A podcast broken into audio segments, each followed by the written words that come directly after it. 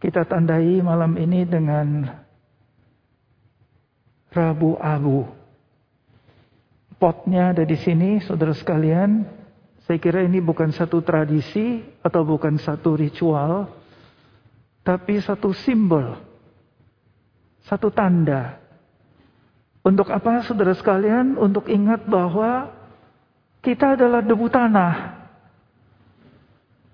Debu tanah akan kembali kepada debu tanah. Sebagai latar belakang daripada Rabu Abu, saudara sekalian, sebetulnya waktu permulaan Tuhan ciptakan kita, pasal 2 ayat 7 tadi yang sudah dibacakan oleh penginjil Febri, Tuhan menembuskan rohnya ke dalam hidung kita manusia. Maka kita menjadi manusia yang berroh Allah. Bahkan bisa dipanggil manusia Allah. Dan rencananya adalah hidup kekal. Tidak ada kematian di dalam rencana penciptaan semula. Tetapi kenapa jadi bisa jadi debu tanah, saudara sekalian? Uh, karena manusia tidak taat kepada Tuhan. Berdosa. Pasal 2 ayat 17, saudara sekalian, kejadian Tuhan Yesus, Tuhan mengingatkan. Pasal 2 17 bunyinya seperti apa? Dikatakan tetapi pohon pengetahuan tentang yang baik dan yang jahat itu janganlah kau makan buahnya. Sebab pada hari engkau memakannya, pastilah engkau mati. Jadi saudara sekalian, Tuhan waktu ciptakan manusia, tadi pagi saya terima satu pertanyaan dari Hong Kong. Hong Kong lagi keadaan sangat Gawat saudara sekalian, kemarin 37, 34 ribu. Hari ini sudah mencapai 55 ribu. Dia keluarkan satu pertanyaan, seorang saudara yang sudah tua. Dia bilang, Muse, Tuhan ciptakan manusia menurut gambar dan rupanya. Kenapa manusia bisa mempunyai keinginan berdosa sehingga mengakibatkan kita hari ini? Di dalam situasi yang seperti ini sangat rentan. Orang-orang di sekitar pada terjangkit saudara sekalian. SMS berbanyak masuk yang meminta didoakan. Karena ada yang sekeluarga dari orang tua yang usianya sudah 80 sampai kepada cucu yang kecil. Satu rumah semua sudah kena. Semua lagi panik.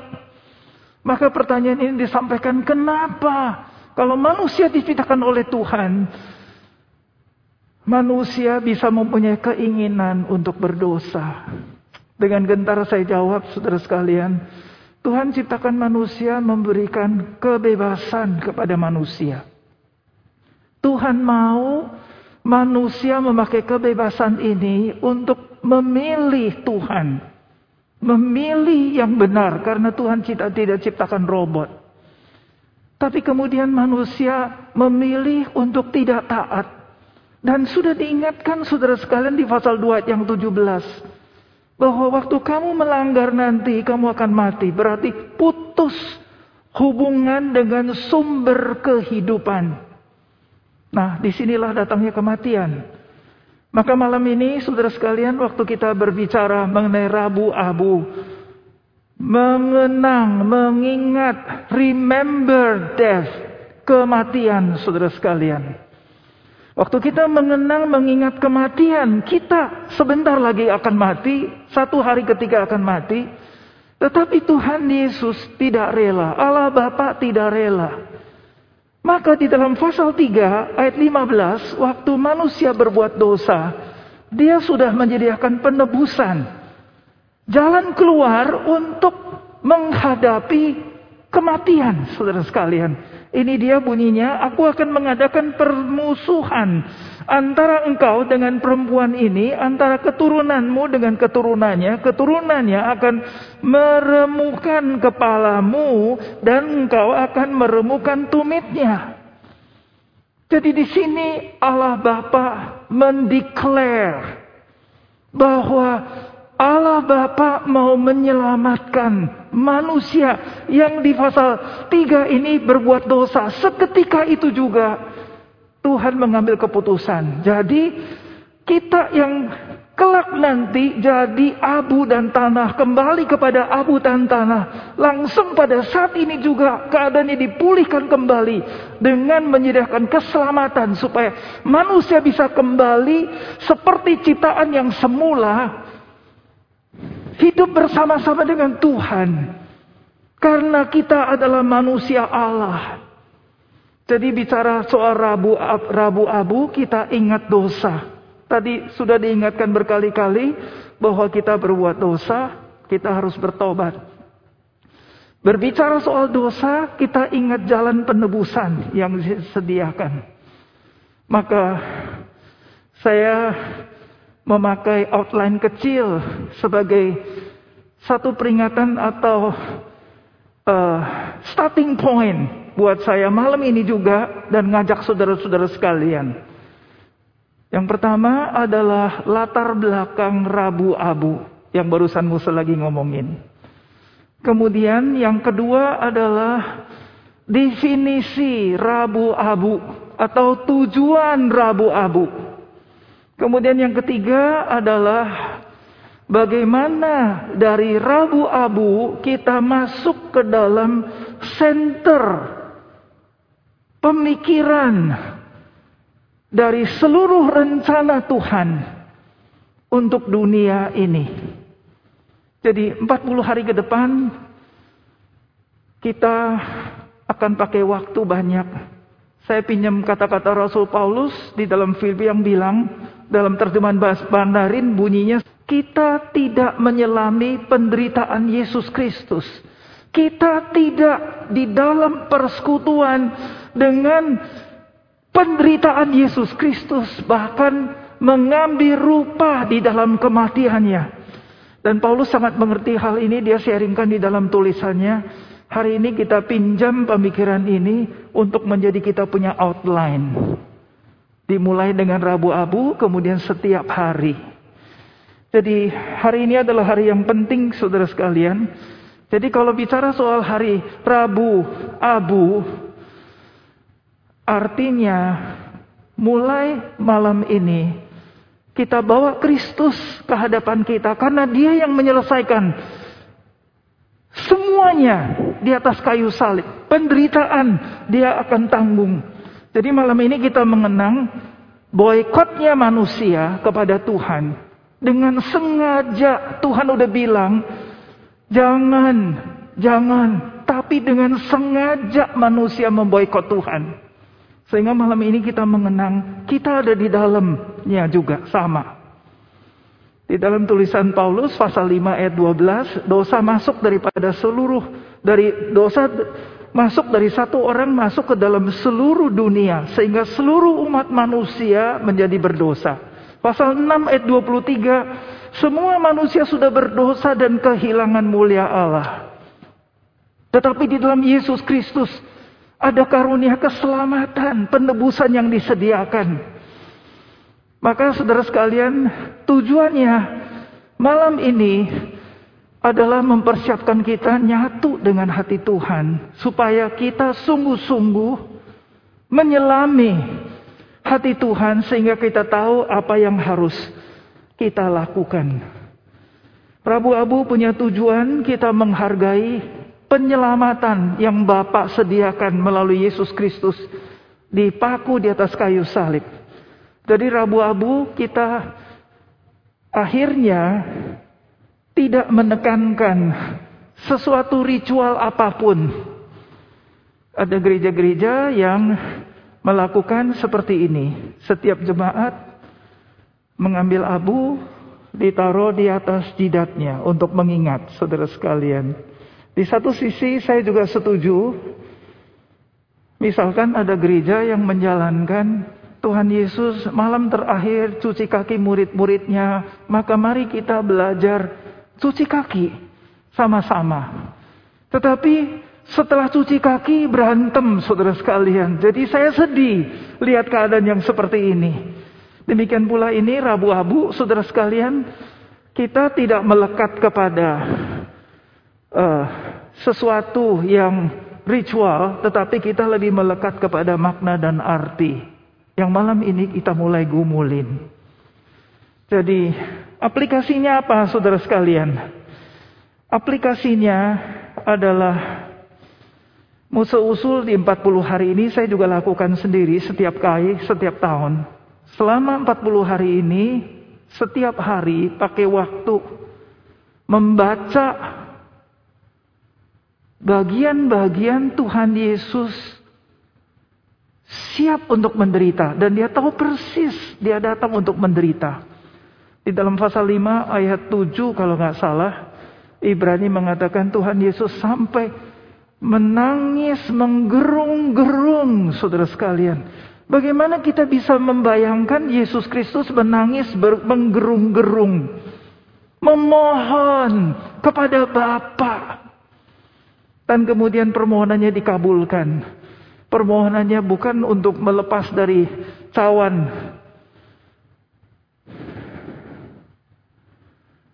yang pahit. Tapi adalah kesiapan. Karena dia cinta kepada kita yang debu tanah kembali kepada debu tanah. Yang diciptakan menurut gambar dan rupa.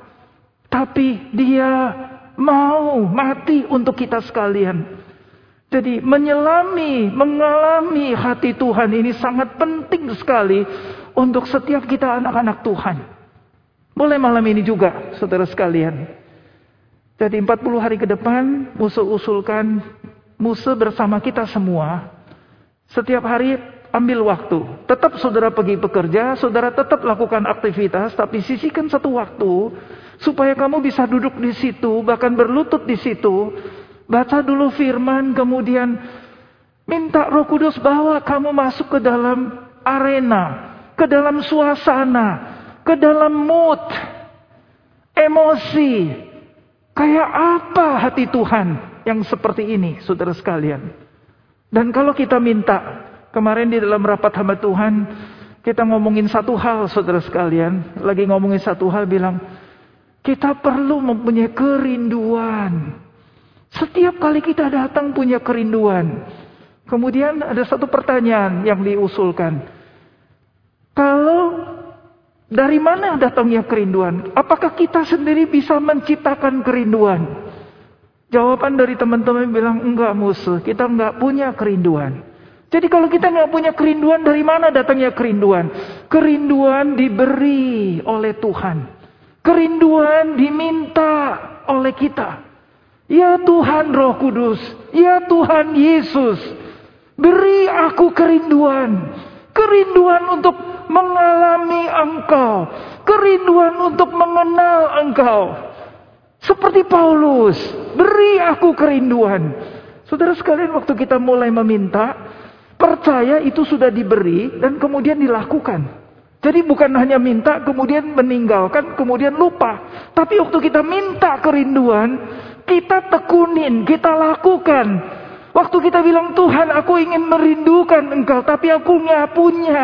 Pikiran aku banyak hal yang lain. Aku ingin merindukan Tuhan. Waktu kamu sudah minta, kita sudah minta, kita lakukan.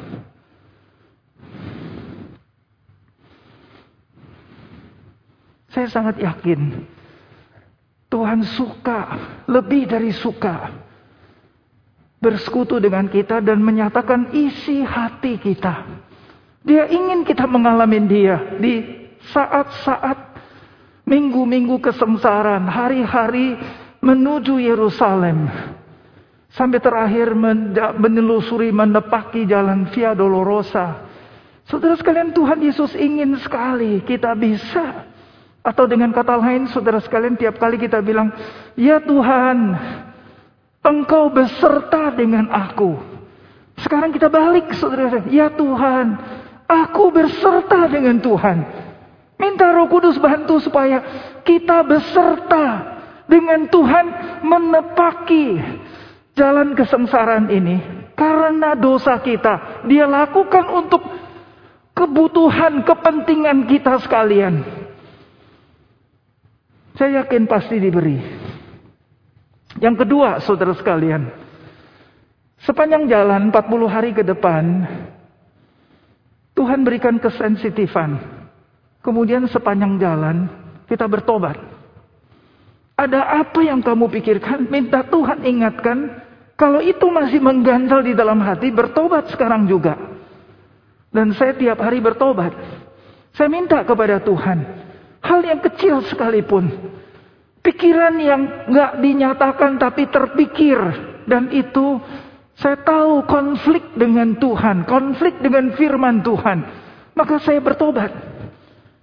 Saya percaya Tuhan ampuni, tapi saya harus minta, saya harus bertobat. Sehingga saya bisa terus menyertai Tuhan. Jadi pertobatan sangat penting. Tuhan menghargai ketulusan kita. Sungguh-sungguh bertobat di hadapannya, saudara sekalian. Kemudian yang ketiga, saudara sekalian, kita bertekad mau menderita bersama-sama dengan Tuhan. Ada dua ayat yang sebetulnya saya gumulin, tetapi melihat waktu saya tidak pakai waktu panjang lebar di sini. Di dalam Kolose pasal 1 ayat yang ke 24 di situ Paulus bilang, Aku mau memenuhi, menggenapi penderitaan Kristus disalib. Penderitaan Kristus disalib。我要补助在肉体上、肉身上补助基督受苦的欠欠。Bukan berarti penderitaan Kristus di atas kayu salib masih korting, masih kurang, masih belum sempurna. Maka aku mau menutupinya. Bukan itu artinya, saudara sekalian. Bukan itu artinya. Tetapi di situ mengatakan apa saudara sekalian bahwa Kristus dengan gereja satu. Penderitaan Kristus adalah penderitaan gerejanya. Penderitaan gereja adalah penderitaan Kristus. Kemudian bagaimana menjelaskan bagian ini saudara sekalian? menutupi kekurangan-kekurangan. Saya akan bacakan bagian itu supaya saudara tahu saya lagi ngomongin apa di sini. Filipi pasal eh, eh, Kolose pasal 1 ayat yang ke-24.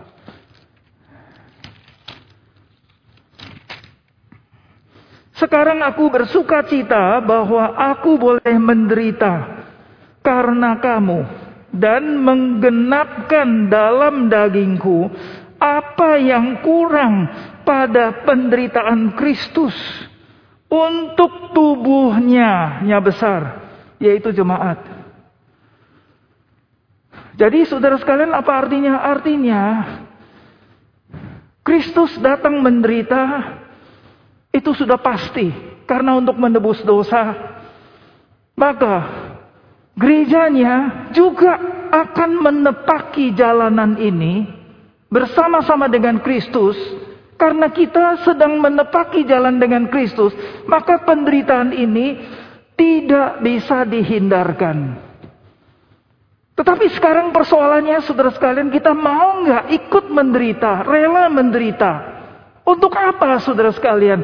Kita mau bersama dengan Kristus menderita yang ujungnya nanti menggenapi penebusan dan menyelamatkan umat manusia semua yang percaya, yang menerima. Gereja dipanggil, pasal 1 ayat 27 saudara sekalian. Kita dipanggil, kita diberkati supaya kita 我们蒙召是信服基督，并且要为他受苦。Kita dipanggil, kita diberkatin supaya kita beriman dan percaya dan taat kepada Yesus Kristus, bahkan menderita bagi Kristus. Jadi ini nggak ada pilihan, nggak ada choice, hanya satu jalan yaitu menderita. Bagaimana kita memilih, menetapkan, kita perlu tekad, saudara sekalian. Kita perlu bertekad. Jadi di 40 hari kesengsaraan Tuhan Yesus menuju kepada kayu salib. Waktu tekad kita ini dibulatkan. Biar Tuhan angkat kita punya kerohanian. Penderitaan untuk Kristus. Paulus sendiri mengucapkan kata-kata ini dan di dalam surat-surat yang lain juga dia ingatkan. Dan untuk kita yang berterlibat di dalam penginjilan, saudara sekalian, gereja Tuhan maka menderita bagi Kristus tidak terhindarkan. Waktu Kristus menderita, gerejanya ikut menderita. Waktu gerejanya menderita, Kristus ikut menderita. Jadi kalau di sini dikatakan Paulus menderita untuk menutupi, menggenapi dalam dagingnya apa yang kurang pada penderitaan Kristus, bukan penderitaan Kristus di salib belum sempurna. Sudah sempurna, sudah selesai. Tapi di dalam di dalam men, mewujudkan keselamatan ke depan, saudara sekalian, gereja dipanggil di atas bumi ini untuk menjadi saksi. Kalau untuk menjadi saksi berarti bisa ada penolakan, bisa ada penganiayaan, bisa ada serangan, bisa menderita bahkan bisa mati, saudara sekalian. Jadi gereja harus bertekad untuk menepaki jalan Kristus yang kita sudah tekad dari mula menerima Kristus, menerima baptisan, mati bersama penderitaan dan kematiannya dan bangkit bersama dengan Yesus Kristus. Ini bagian yang dikatakan Paulus dia ingin sekali masuk di dalam mengalami Tuhan dan kuasa kebangkitannya dan mengalami persekutuan dengan penderitaan dan mengambil rupa kematiannya. Bagian ini sangat dalam saudara sekalian tapi kita hayati dengan ukuran kerohanian kita yang lugu dan sederhana yaitu kita siap untuk menderita bersama-sama dengan Yesus Kristus. Maka kapan mulainya? Sekarang juga. Mulai daripada Rabu Abu ini, kita yang harusnya sudah mati, Abu kembali kepada Abu. Tetapi Yesus datang mengenapi penebusan sehingga kita diberikan hidup dan hidup yang kekal. Tapi kita selama masih hidup di dalam dunia, kita juga diwarisi terhormat bisa menderita bersama-sama dengan Kristus dan gerejanya. Tuhan tolong malam ini biarlah firman yang sederhana ini membawa kita. Minta mood, minta emosi, minta pemikiran, minta penghayatan, dan biar kita tidak lepas. Selama 40 hari ini kita berjalan tiap hari dekat sama Tuhan diselingi dengan ayat-ayat yang bisa dihafal, diselingi dengan puji-pujian yang membawa kita dekat kepada Tuhan. Pikirannya terus berfokus kepada Kristus yang menderita sehingga kita tidak berdosa. Sehingga hati kita diangkat saudara sekalian. Kita sangat lemah, kita tidak tidak tidak mampu untuk menekunin bagian-bagian ini saudara sekalian. Tapi untuk tahun ini kita minta kepada Tuhan. Karena ini waktunya sudah tidak lama lagi. Sekarang ini adalah waktunya. Mari kita sama-sama minta kepada Tuhan. Di Rabu Abu ini dimulai dengan tekad menderita. Bertobat setiap hari. Dan Baca firman yang berhubungan dengan penderitaan. Minta Tuhan beri kita menyertai dia. Dan kita jalanin setiap jam, setiap waktu, mulai sekarang juga bersama dengan Kristus. Mari kita berdoa. Ya Tuhan, kami mengakhiri malam abu renungan yang dalam dengan satu tekad hati yang mau ikut menderita bersama-sama dengan Yesus Kristus. Tuhan Yesus, Engkau ada di dalam hati kami, kami tahu benar. Ya Tuhan Roh Kudus, kami tahu benar Engkau ada di dalam hati kami. Biarlah di 40 hari ke depan mulai malam ini kami mendapatkan urapan pertolongan Tuhan Roh Kudus untuk ikut menepaki, menjejaki tempat-tempat, waktu-waktu, momen-momen yang Tuhan Yesus lalui. Kami tahu Tuhan Yesus sudah bangkit dan kami tahu Tuhan Yesus sudah menang. Tapi malam ini waktu kami merenungkan Rabu Abu, Tuhan kau datang menebus kami debu tanah, kembali kepada debu tanah. Menjadi roh yang hidup karena diurapi oleh kuasa roh kudus dan bangkit kembali Tuhan Yesus sudah menang dari dosa. Tuhan Yesus sudah menang dari maut. Tuhan Yesus sudah menang dari kuasa setan. Dan kemenangan itu sudah diberikan kepada kami. Tetapi sekarang kami mau menepaki Yesus Kristus yang menderita. Di Rabu Abu ini sebagai tanda dimulainya. Tuhan tolong kami malam ini juga. Sebentar kami akan berpisah pulang ke rumah. Tuhan Beri kami suasana yang seperti itu. Menambahkan kami lebih sungguh-sungguh ikut Yesus. Sungguh-sungguh mengasihi. Mulai dari keluarga, kemudian orang-orang di sekitar. Mengingat kami adalah debu tanah yang akan kembali kepada debu tanah. Kalau kami tidak punya penderitaan Kristus dan penebusan Yesus Kristus, manusia akan binasa kekal. Dan hanya di dalam Yesus Kristus kami mewarisi hidup yang kekal. Terima kasih Tuhan dengar dan sempurnakan doa kami. Demi nama Tuhan Yesus kami sudah doa sama-sama katakan. Amin. Sampai di sini ibadah doa kita. Saat teduh Tuhan memberkati kita sekalian.